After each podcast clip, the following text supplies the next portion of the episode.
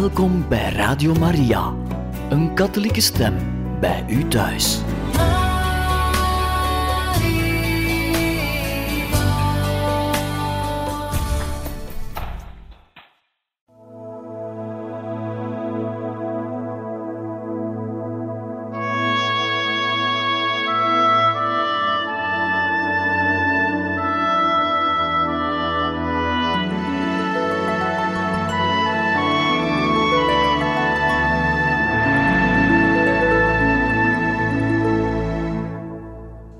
Van harte welkom, beste luisteraars van Radio Maria, bij het programma Heiligen Getuigen, waar wij u verder voorlezen uit het boek Mijn levensverhaal, geschreven door de heilige Thérèse van Lisieux en bewerkt door Koen de Meester. We waren ondertussen even gevorderd in het laatste autobiografische manuscript, manuscript M, geschreven aan haar zus Marie van het Heilig Hart. Het is het uh, manuscript waarin dat de heilige Therese van Lisieux zich volledig ontplooit, zeg maar, als kerklerares. We waren aangekomen aan het uh, moment waarop dat zij de liefdevolle blikken die ze heeft ervaren van haar overste beschrijft. En daar gaan we ook vandaag verder mee. Ik zou de vreugde van mijn ziel niet kunnen beschrijven. Dat zijn dingen die je voelt en die je niet in woorden uit kunt drukken. Er zijn verschillende maanden voorbij gegaan sinds die mooie droom, en toch heeft de herinnering eraan in mijn ziel niets van haar frisheid en haar hemelse lieflijkheid verloren. Ik zie nog die liefdevolle blik en glimlach voor me van de eerbiedwaardige moeder. Het lijkt of ik nog voel hoe ze mij liefkoosde. Toen ik zag dat ik zozeer bemind werd, durfde ik deze woorden uit te spreken. Moeder, ik smeek u, zeg me of de goede God mij nog lang op aarde laat. Komt hij me snel halen? En met een tedere glimlach zei de heilige zacht: Ja, al gauw, al gauw, dat beloof ik je. Moeder, zei ik nog, zeg me of de goede God niet nog iets anders van me vraagt dan mijn arme kleine daden en mijn verlangens. Is hij tevreden over mij? Er kwam een glimlach op het gezicht van de heilige, die onvergelijkelijk veel liever en zachter was dan de eerste keer dat ze tot mij gesproken had. Er was geen fijner antwoord mogelijk dan haar blik en liefkozingen. Toch zei ze nog tegen me: de goede God vraagt niets anders van je, hij is tevreden, erg tevreden. En zoals u zich in een vorige aflevering nog kan herinneren, spreekt de heilige Therese van Lisieux hier over een droom die ze had en waar ze dus eigenlijk in de hemel de eerbiedwaardige moeder Anna van Jezus, de stichteres van de Karmel in Frankrijk, herkent. En hier vertelt ze dus over die vraag die ze stelde aan de heilige in haar droom. Nadat ze me met nog meer liefde gestreeld had dan de tederste moeder met haar kind zou doen, zag ik haar weggaan. Mijn hart was vol vreugde maar opeens dacht ik aan mijn zussen en ik wilde nog om enkele genaden vragen voor hen, maar jammer genoeg werd ik wakker. Toen was er geen gerommel van onweer meer, Jezus. De hemel was vredig en sereen. Ik geloofde en wist dat er een hemel is, en dat de hemel vol zielen is die mij liefhebben en naar me kijken als naar hun eigen kind. Dat is de indruk die ik in mijn hart bewaar. En die is des te sterker omdat de eerbiedwaardige moeder Anna van Jezus mij voordien helemaal onverschillig had gelaten. Ik had haar nooit aangeroepen en ze kwam me alleen in gedachten als ik over haar hoorde spreken, wat niet vaak gebeurde. En toen ik dan ook begreep hoeveel ze van me hield en hoezeer ik haar ter harte ging, werd mijn ziel vervuld van liefde en dankbaarheid, niet alleen voor de heilige die mij bezocht had, maar voor alle gelukzalige hemelbewoners. Mijn welbeminde Jezus, deze genade was nog maar de prelude van de veel grotere genaden waarmee je me wilde overladen. Mijn enige liefde, laat me je die in herinnering brengen vandaag, op de zesde verjaardag van onze vereniging. Vergeef het me, Jezus, als ik wartaal spreek, wanneer ik nog eens mijn verlangens en hoop uit wil spreken, die tot het oneindige reiken. Vergeef het me en genees mijn ziel door haar te geven waar ze op hoopt. Je bruid zijn, Jezus, karmelites zijn, door mijn vereniging met jou de moeder van de zielen zijn, dat zou me toch genoeg moeten zijn. Maar zo is het niet. Die drie voorrechten zijn inderdaad mijn roeping: karmelites, bruid en moeder. Toch voel ik in mij nog andere roepingen. Ik voel de roeping tot strijder, priester, apostel, leraar en martelaar. In één woord, ik voel in mij de nood en het verlangen om voor jou, Jezus, al die werken te verrichten die van de meeste heldhaftigheid getuigen. Ik voel in mijn ziel de moed van een kruisvaarder en van een pauselijke zouaaf. Ik zou voor de verdediging van de kerk op een slagveld willen sterven. Ik voel in mij de roeping tot priester. Met hoeveel liefde, Jezus, zou ik je in mijn handen dragen wanneer je op mijn woord uit de hemel neer zou dalen? Met hoeveel liefde zou ik je aan de zielen geven? Maar helaas, hoewel ik er naar verlang priester te zijn, bewonder en benijd ik de nederigheid van de heilige Franciscus van Assisi, en ik voel in mij de roeping hem na te volgen, door mij de sublieme waardigheid van het priesterschap te ontzeggen. O Jezus, mijn liefde en mijn leven, hoe moet ik die uitersten met elkaar verenigen? Hoe kan ik de verlangens van mijn kleine ziel in vervulling doen gaan? Ondanks mijn kleinheid zou ik de zielen zoals de profeten en leraars willen verlichten. Ik bezit de roeping apostel te zijn. De hele wereld zou ik willen doorkruisen, je naam verkondigen en in ongelovige grond je glorierijke kruis willen planten. Maar, mijn welbeminde, één enkele missie zou me niet genoeg zijn. Ik zou in alle vijfde continenten tegelijkertijd het evangelie willen verkondigen, tot op de meest afgelegen eilanden. En ik zou niet alleen voor een bepaalde tijd missionaris willen zijn, maar vanaf de schepping der wereld tot aan de volleinding der tijden. Maar bovenal, o mijn welbeminde Verlosser, zou ik mijn bloed tot aan de laatste druppel voor jou willen vergieten. Het martelaarschap, dat is al sinds mijn jeugd mijn droom. Die droom is met me meegegroeid in de afzondering van de karmel. Zelfs daar voel ik dat mijn droom onzinnig is, want ik zou mijn verlangen niet tot slechts één bepaald martelaarschap kunnen beperken. Ik zou ze allemaal nodig hebben om me tevreden te kunnen stellen. Ik zou net als jou, mijn aanbeden bruidegom, willen worden gegezeld en gekruisigd. Ik zou gevild willen worden zoals de heilige Bartholomeus. Net als de heilige Johannes zou ik in kokende olie gegooid willen worden. Ik zou alle folteringen willen ondergaan die aan de martelaren opgelegd zijn.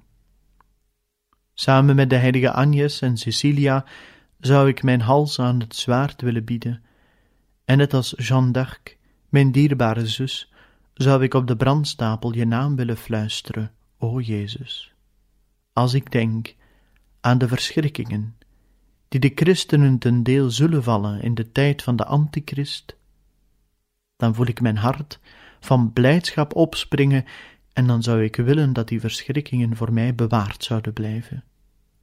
Jezus, Jezus, als ik voor jou al mijn verlangens op zou willen schrijven, dan zou ik je boek des levens moeten lenen, want daar zijn alle daden van de heiligen in opgetekend, en die daden zou ik allemaal voor je hebben willen verrichten. Mijn Jezus, wat zal je op al mijn dwaasheden antwoorden? Is er een ziel die nog kleiner en nog machtelozer is dan de mijne? En toch, toch heeft het je behaagd, Heer, om, ondanks mijn zwakheid, mijn kleine kinderlijke verlangens te vervullen. En nu wil je andere verlangens vervullen die wijdser zijn dan het heelal.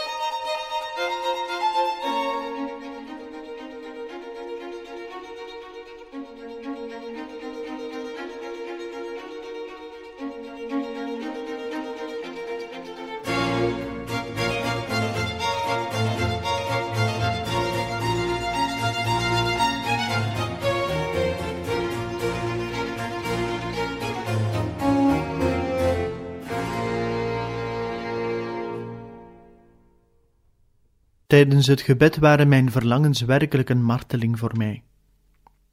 Ik sloeg de brieven van de heilige Paulus open om daar een antwoord in op te kunnen zoeken. Mijn oog viel toen op het twaalfde en dertiende hoofdstuk uit de eerste brief aan de Corinthiërs. In die eerste brief las ik dat niet iedereen apostel kan zijn, of profeet, of kerkleraar enzovoort. De kerk is uit verschillende ledematen opgebouwd en een oog kan niet tegelijkertijd hand zijn. Het leek een duidelijk antwoord, maar het voldeed niet helemaal aan mijn verlangens. Het gaf me geen vrede. Zoals Magdalena zich over het lege graf heen bleef buigen en daar uiteindelijk vond wat ze zocht, zo daalde ik af tot in de diepten van mijn niets en verhief ik mij zo hoog dat ik bij mijn doel kon komen. Zonder me te laten ontmoedigen, ging ik door met lezen, en deze zin bood mij troost. Zoek vol vuur naar de meest volmaakte gaven, maar ik zal u een nog veel verhevener weg wijzen. En de apostel legt dan uit hoe de meest volmaakte gaven niet zijn zonder de liefde, en dat de liefde de verheven weg is die veilig naar God leidt. Eindelijk had ik rust gevonden. Toen ik het mystieke lichaam van de kerk overdacht, herkende ik mezelf in geen van de ledematen die de heilige Paulus beschrijft, of liever, ik wilde me herkennen in alle ledematen. Het was de liefde die mij de sleutel tot mijn roeping bood. Ik begreep dat als de kerk een lichaam heeft dat uit verschillende ledematen is samengesteld, dat dan het meest noodzakelijke en edele orgaan niet ontbreken mocht. Ik begreep dat de kerk een hart bezit en dat dat hart van liefde brandt.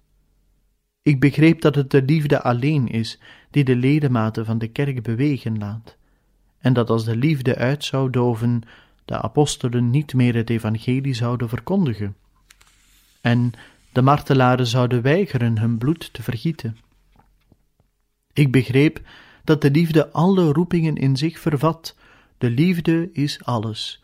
Zo omvat alle tijden en plaatsen. In één woord, de liefde is eeuwig. En in mijn uitzinnige vreugde riep ik uit: O Jezus, mijn liefde, eindelijk heb ik mijn roeping gevonden. Mijn roeping, dat is de liefde. Ja, ik heb gevonden wat mijn plaats in de kerk is, en die plaats hebt jij me gegeven, mijn God. In het hart van de kerk, mijn moeder, zal ik de liefde zijn, en zo zal ik alles zijn. Dan zal mijn droom in vervulling gaan. Waarom spreek ik van uitzinnige vreugde? Deze uitdrukking is niet helemaal juist. Het was eerder de rustige en serene vrede van een schipper die de vuurtoren ziet die hem naar de haven brengen moet. Lichtende vuurtoren van de liefde, nu weet ik hoe ik bij je komen moet. Ik heb het geheim ontdekt hoe ik jouw vlam tot de mijne maken kan. Ik ben maar een kind, machteloos en zwak. En toch is het diezelfde zwakheid die me de stoutmoedigheid geeft om me als slachtoffer aan jouw liefde aan te bieden, Jezus. In vroeger tijden werden alleen zuivere en vlekkeloze offergaven door de sterke en machtige God aanvaard. Om aan zijn goddelijke rechtvaardigheid te voldoen, waren er volmaakte offers nodig. Maar op de wet van de vrees volgde de wet van de liefde, en de liefde koos mij, een zwak en onvolmaakt schepsel, als brandoffer uit. Zo'n keuze is immers de liefde waardig.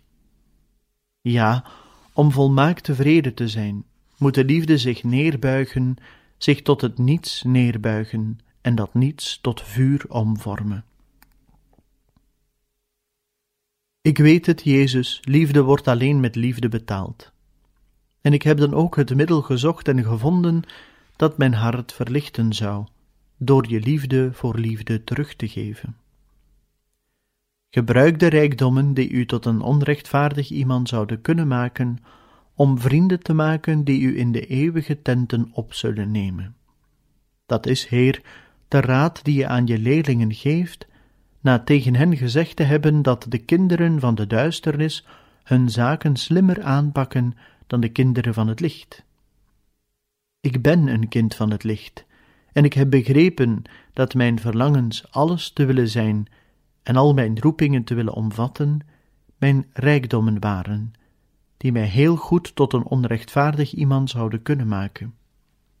En dus heb ik die rijkdommen gebruikt om vrienden te maken. Ik herinnerde me het verzoek van Elisa aan onze vader Elia toen hij om een dubbel deel van zijn geest durfde te vragen. Ik trad voor de engelen en heiligen en zei tot hen: Ik ben de kleinste van alle schepselen. Ik ken mijn nietigheid en mijn zwakheid, maar ik weet ook hoezeer edele en vrijgevige harten ernaar verlangen goed te doen. Ik smeek u dus, gelukzalige hemelbewoners, ik smeek u mij als uw kind aan te nemen. Aan u alleen komt de eer toe die u mij verwerven laat, maar wil mijn gebed verhoren. Ik weet dat het een overmoedig gebed is, en toch durf ik u erom te vragen voor mij een dubbel deel van uw liefde te verkrijgen. Ik zou mijn verzoek niet verder uit willen werken, Jezus. Ik ben bang dan te zullen bezwijken onder het gewicht van mijn overmoedige verlangens. Neem het me niet kwalijk. Ik ben maar een kind, en kinderen denken niet na over de gevolgen van wat ze zeggen. Toch aarzelen hun ouders niet, wanneer die op de troon zitten en geweldige schatten bezitten, om de verlangens van de kleine wezentjes, waar ze net zoveel van houden als van zichzelf, in vervulling te laten gaan. Ze begaan allerlei dwaasheden en zelfs zwakheden om hen een plezier te doen. Nou, ik ben een kind van de kerk, en de kerk is een koningin. Ze is immers je bruid, o goddelijke koning der koningen. Het hart van je kind vraagt niet om rijkdom of glorie, zelfs niet die van de hemel. Je kind begrijpt dat de glorie toekomt aan haar broers, de engelen en heiligen. Zijn eigen glorie zal de weerspiegeling zijn van de glorie die van het voorhoofd van zijn moeder afstraalt. Het kind vraagt om de liefde. Het wil maar één ding: jou liefhebben, o Jezus. Glansrijke daden zijn hem verboden. Het kan niet het evangelie verkondigen of zijn bloed vergieten. Maar wat geeft dat? Zijn broers werken immers in zijn plaats en het kleine kind blijft vlak bij de troon van de koning en de koningin en heeft lief voor zijn broers die strijden. Maar hoe moet het zijn liefde betuigen, aangezien liefde zich alleen bewijst door middel van daden? Het kleine kind zal bloemen strooien. Het zal de koninklijke troon doen geuren van zijn balsems. Het zal met zijn helder klinkende stem het loflied op de liefde zingen. Ja, mijn welbeminde, op die manier zal mijn leven opbranden. Ik heb geen ander middel om je mijn liefde te bewijzen dan door bloemen te strooien. Dat wil zeggen dat ik geen enkel offertje, geen enkele blik of woord voorbij laat gaan. Ik wil van al die kleine dingetjes profiteren en die uit liefde doen. Uit liefde wil ik lijden en met liefde ook genieten. Zo zal ik bloemen strooien voor je troon. Iedere bloem die ik vind, zal ik voor je ontbladeren. En terwijl ik bloemen strooi, zal ik zingen, want hoe kun je huilen als je zoiets vrolijks doet? Zelfs als ik mijn bloemen te midden van doornen moet plukken, zal ik nog zingen. Mijn zang zal des te melodieuzer zijn naarmate de doornen langer zijn en meer prikken. Wat zul je doen met die bloemen en zang van mij, Jezus? Ik weet het wel, die geurende bloemenregen, die kwetsbare bloemblaadjes die geen enkele waarde hebben, die liefdesmelodieën van het kleinste van alle harten, stelen je hart. Al die niemendalletjes doen je plezier. De triomferende kerk zal erom glimlachen en zal mijn uit liefde ontbladerde bloemen aannemen en ze door je goddelijke handen laten gaan, o Jezus. De kerk in de hemel wil samen met je kleine kind wat spelen en zal die bloemen, die door jouw aanraking een oneindige waarde gekregen hebben, op haar beurt verstrooien. Ze zal die over de lijdende kerk uitstrooien om haar vlammen te doven. Ze zal die over de strijdende kerk uitstrooien om haar de overwinning te laten behalen.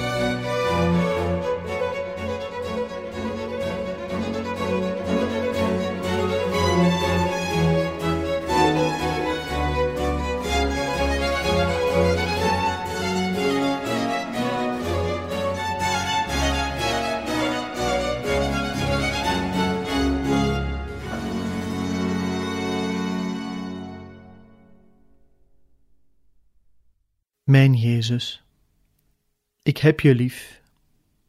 Ik heb ook de kerk, mijn moeder, lief.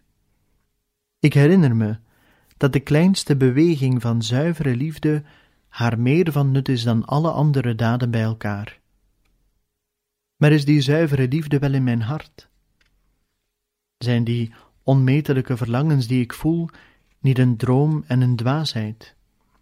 Als dat zo is, Jezus, verlicht mij dan. Je weet het, ik zoek alleen de waarheid. Als mijn verlangens overmoedig zijn, laat ze dan verdwijnen, want die verlangens zijn voor mij een grote marteling. En toch voel ik, Jezus, dat ik, zelfs als ik naar de meest verheven regionen van de liefde gestreefd heb, maar die nooit bereiken zou, toch meer vertroosting in mijn marteling en mijn dwaasheid gesmaakt zal hebben, dan ik in de vreugde van het hemelsvaderland smaken zal. Tenzij je me, door een wonder, de herinnering aan mijn aardse hoop wegneemt. Laat me tijdens mijn ballingschap genieten van de heerlijkheden van de liefde.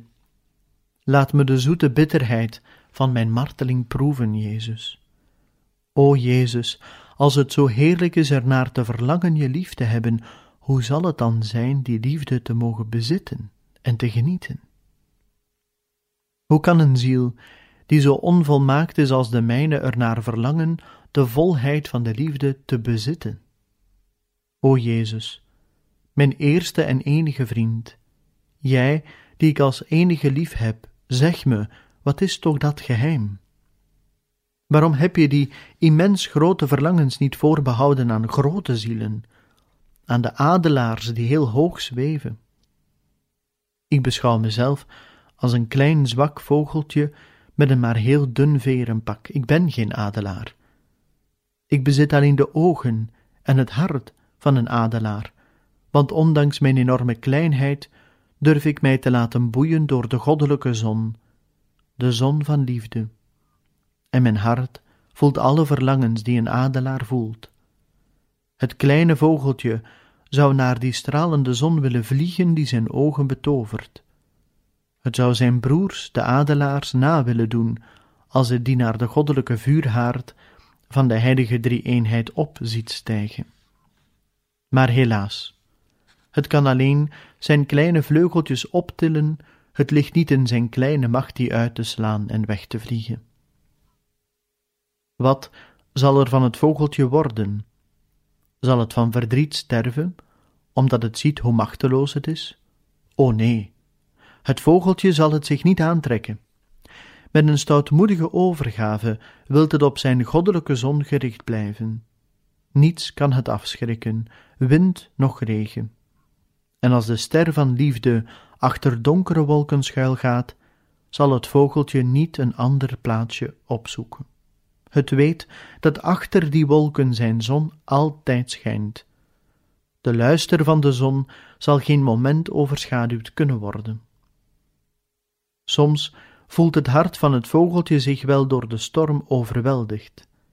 Het lijkt dan niet te willen geloven dat er nog iets anders bestaat dan de donkere wolken die om hem heen zijn.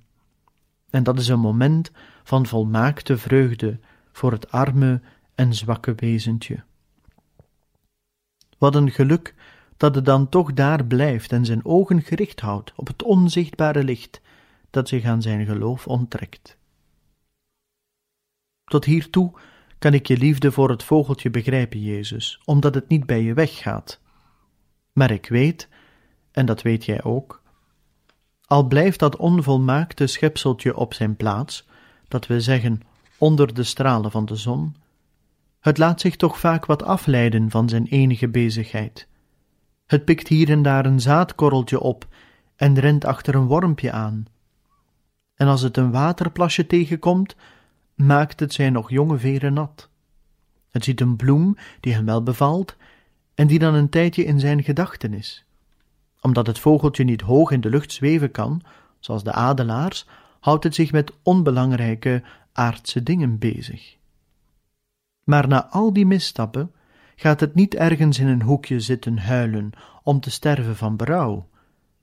Het keert zich naar zijn welbeminde zon Het strekt zijn natte vleugeltjes uit in die weldadige zonnestralen. Het piept als een zwaluw. En in zijn zachte zang vertrouwt het tot in detail aan jou al de dingen toe waar het ontrouw in was. In zijn overmoedige overgave denkt het dat het zo meer zeggenschap verkrijgen zal en meer de liefde aan zal trekken van degene die niet rechtvaardigen is, komen roepen maar zondaars.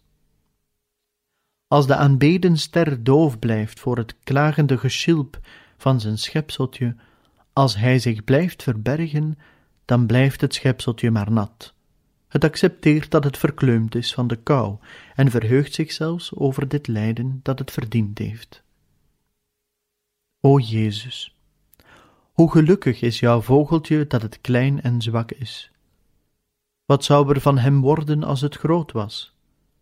Het zou nooit die moed bezitten in je aanwezigheid te verschijnen en in je bijzijn wat te soezen. Want dat is nog zo'n zwakheid van het vogeltje. Als het zich op de goddelijke zon richten wil, maar de wolken zorgen ervoor dat het geen enkel straalje ervan kan zien, dan vallen zijn oogjes dicht, of hij dat wil of niet. Zijn kopje verbergt zich onder zijn vleugeltjes, en het arme kleintje valt in slaap, terwijl het denkt nog altijd op zijn beminde ster gericht te zijn. Als het ontwaakt, wordt het niet verdrietig, zijn hartje blijft vredig. Het begint zijn liefdesdienst gewoon opnieuw, het roept de engelen en heiligen aan, die zich net als adelaars tot de verslindende vuuroven verheffen, waarnaar zijn verlangen uitgaat. De adelaars krijgen dan medelijden met hun broertje en beschermen het. Ze verdedigen het door de haviken op de vlucht te jagen, die het vogeltje verslinden willen. De haviken zijn het beeld van de duivel, waar het vogeltje niet bang voor is.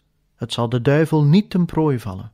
Het is bestemd tot prooi van de adelaar daar midden in die zon van liefde, o goddelijk woord. Jij bent die aanbeden adelaar, die ik lief heb en die mij aantrekt. Je bent vooruitgevlogen naar het ballingsoord en hebt willen lijden en sterven om de zielen mee te trekken tot in de eeuwige vuurhaard van de gelukzalige drie-eenheid. Je steeg weer op naar het ongenaakbare licht dat voor altijd jouw verblijf zal zijn. Toch blijf je wel aanwezig in het tranendal, verborgen onder de gedaante van een witte hostie.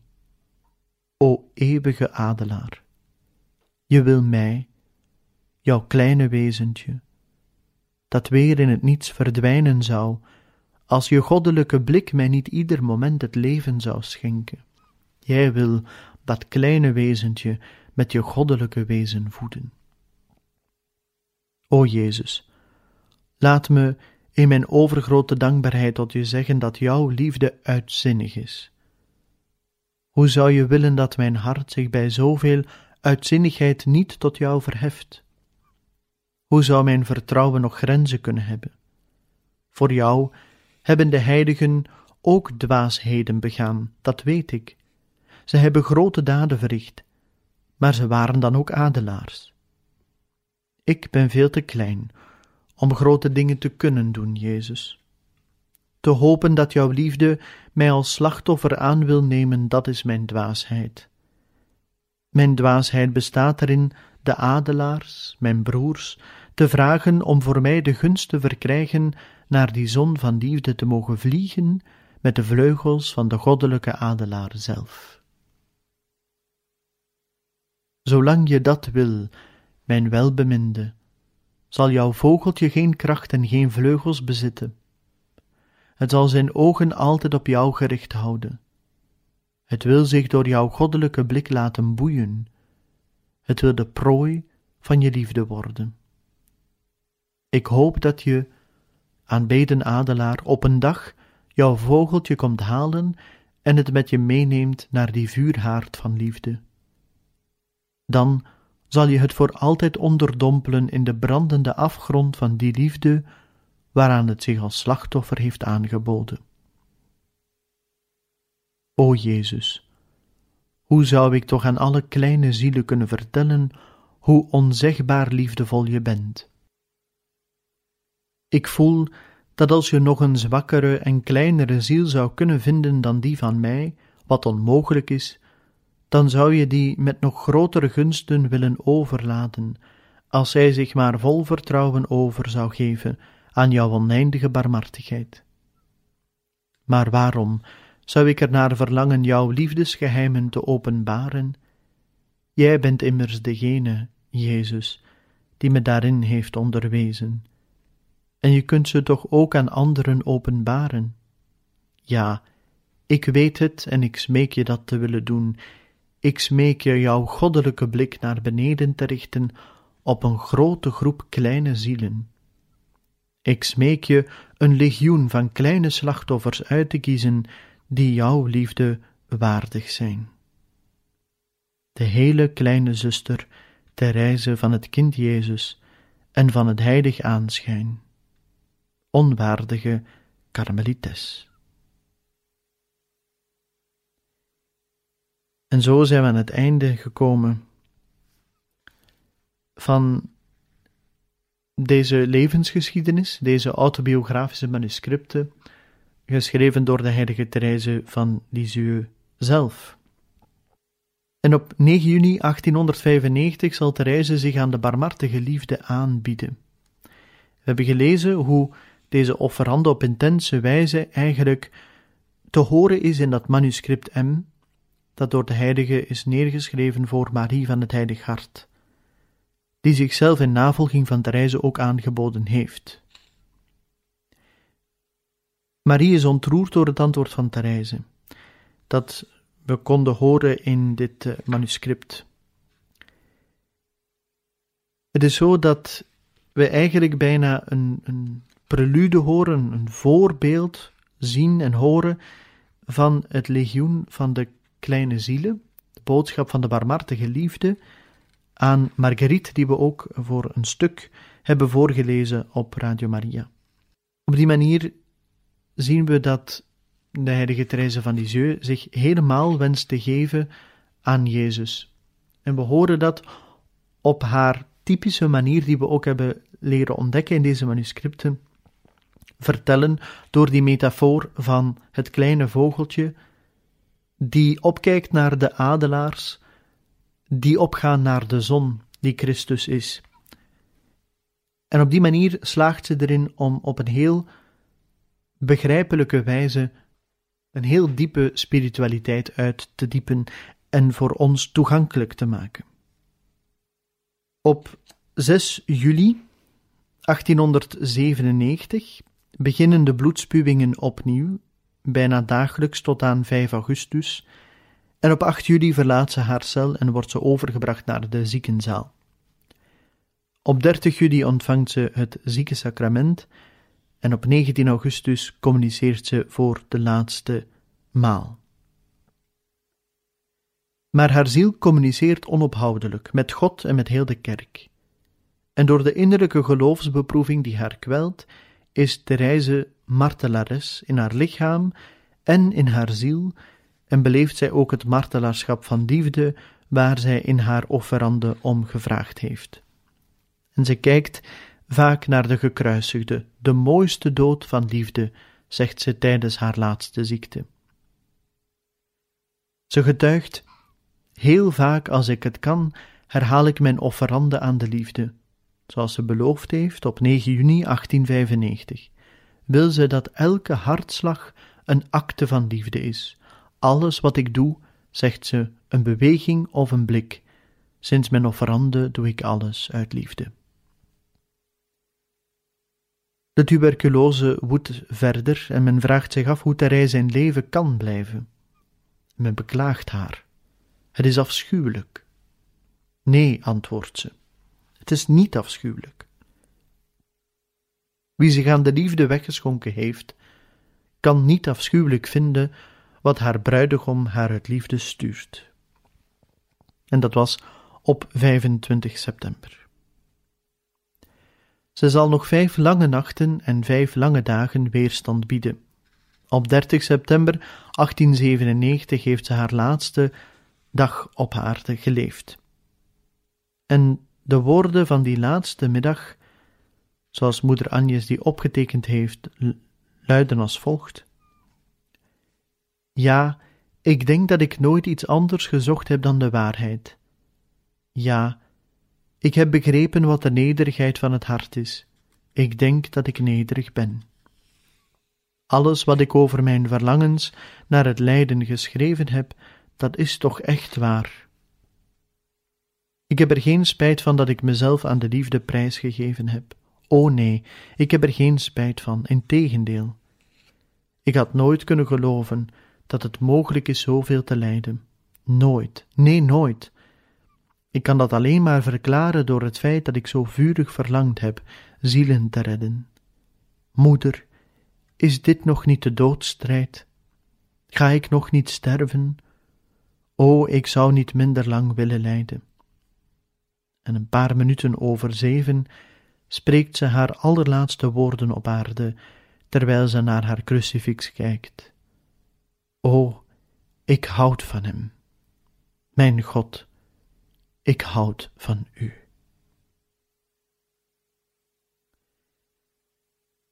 En zo ruilt de heilige Therese van Lisieux het tijdelijke voor het eeuwige in. In deze aflevering gaan we misschien nog eerst wat verder, want het boek dat we hebben voorgelezen eindigt dus met die offerande aan de barmhartige liefde. En dat is toch wel heel mooi om daar mee te eindigen. Offerande van mijzelf als brandoffer aan de barmhartige liefde van de goede God. O mijn God, gelukzalige drie-eenheid, ik verlang er naar u lief te hebben en u te doen liefhebben. Ik wil werken voor de verheerlijking van de heilige kerk, door de zielen op aarde te redden en de zielen die in het vage vuur lijden te bevrijden. Ik verlang ernaar uw wil volledig te volbrengen en tot die graad van glorie te komen die u voor mij in uw koninkrijk bereid hebt. In één woord, ik verlang er naar heilig te worden. Maar ik voel mijn onmacht, en daarom vraag ik u, mijn God, of u zelf mijn heiligheid wilt zijn. Omdat u mij zo zeer hebt liefgehad, dat u mij zelfs uw enige zoon geschonken hebt, als mijn verlosser en bruidegom, zijn de oneindige schatten van zijn verdiensten ook van mij. Ik bied ze u aan en smeek u mij alleen aan te kijken doorheen het gelaat van Jezus en in zijn hart dat brandt van liefde. Ik bied u ook alle verdiensten aan van de heiligen die in de hemel en hier op aarde zijn, de akten van liefde die zij en de heilige engelen gesteld hebben. En tenslotte bied ik u, o gelukzalige drie-eenheid, ook de liefde en de verdiensten aan van de heilige maagd, mijn lieve moeder. Mijn offerande leg ik in haar handen neer, en ik vraag haar die aan u aan te bieden. Haar goddelijke zoon, mijn welbeminde bruidegom, heeft in de dagen van zijn sterfelijk leven tot ons gezegd: Ik zal u alles geven wat u in mijn naam aan mijn vader vragen zult. En ik ben er dus zeker van dat u mijn verlangen zal verhoren. Ik weet het, o mijn God. Hoe meer u geeft, hoe meer u verlangen doet.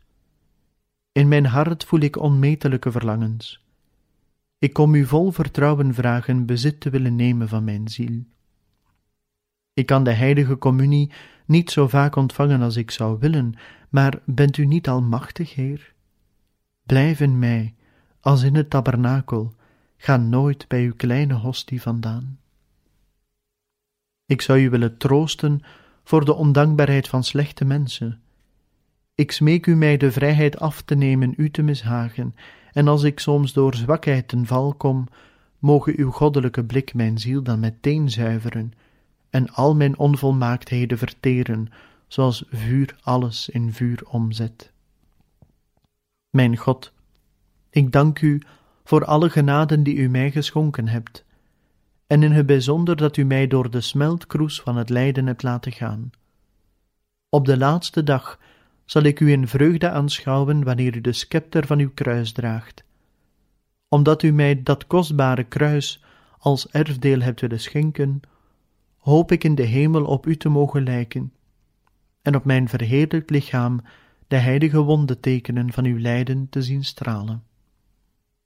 Als de aardse ballingschap voorbij zal zijn, hoop ik van u te mogen gaan genieten in het hemels vaderland, maar ik wil geen verdiensten voor de hemel vergaren. Ik wil alleen werken voor uw liefde, met als enige doel u te verblijden, uw heilig hart te troosten en zielen te redden die u eeuwig lief zullen hebben. Op de avond van dit leven zal ik met lege handen voor u verschijnen. Ik vraag u namelijk niet, Heer, om mijn werken te tellen, al onze rechtvaardigheden zijn in uw ogen bezoedeld. Ik wil me met uw eigen rechtvaardigheid bekleden en van uw liefde verkrijgen uzelf voor eeuwig te mogen bezitten. Ik wil geen andere troon en geen andere kroon dan u, mijn welbeminde. Tijd is niets in uw ogen. Eén dag is als duizend jaar. U kunt me dus in een ogenblik voorbereiden om voor u te verschijnen. Om altijd in een akte van volmaakte liefde te leven, bied ik mij aan als brandoffer voor uw barmhartige liefde. Ik smeek u mij onophoudelijk te verteren. Laat in mijn ziel rijkelijk de golven van oneindige tederheid vloeien, die in u opgesloten liggen. O mijn God, moge ik al dus een martelares van uw liefde worden. Moge dit martelaarschap, na mij voorbereid te hebben om voor u te verschijnen, me uiteindelijk doen sterven. Moge mijn ziel zonder uitstel vooruitsnellen naar de eeuwige omhelzing van uw barmhartige liefde. O mijn welbeminde, ik wil bij elke hartslag mijn offerande ontelbare malen herhalen, tot alle schaduw vervlogen is, en ik u, mijn liefde, uit zal kunnen spreken in een eeuwig van aangezicht tot aangezicht. Marie, Françoise, Therese van het kind Jezus en van het heilig aanschijn, onwaardige karmelites, op het hoogfeest van de Allerheiligste Drie-eenheid, 9 juni van het genadejaar 1895. En met die prachtige offerande aan de barmhartige liefde zijn we aan het einde gekomen van dit boek, Mijn levensverhaal, geschreven door de heilige Therese van Lisieux en bewerkt door Koen de Meester. Dan rest mij enkel nog maar om u allen van harte te danken dat u gedurende deze afleveringen met ons wenste mee te gaan om dit bijzondere leven beter te leren kennen. Van harte dank en nog een bijzonder fijne dag gewenst.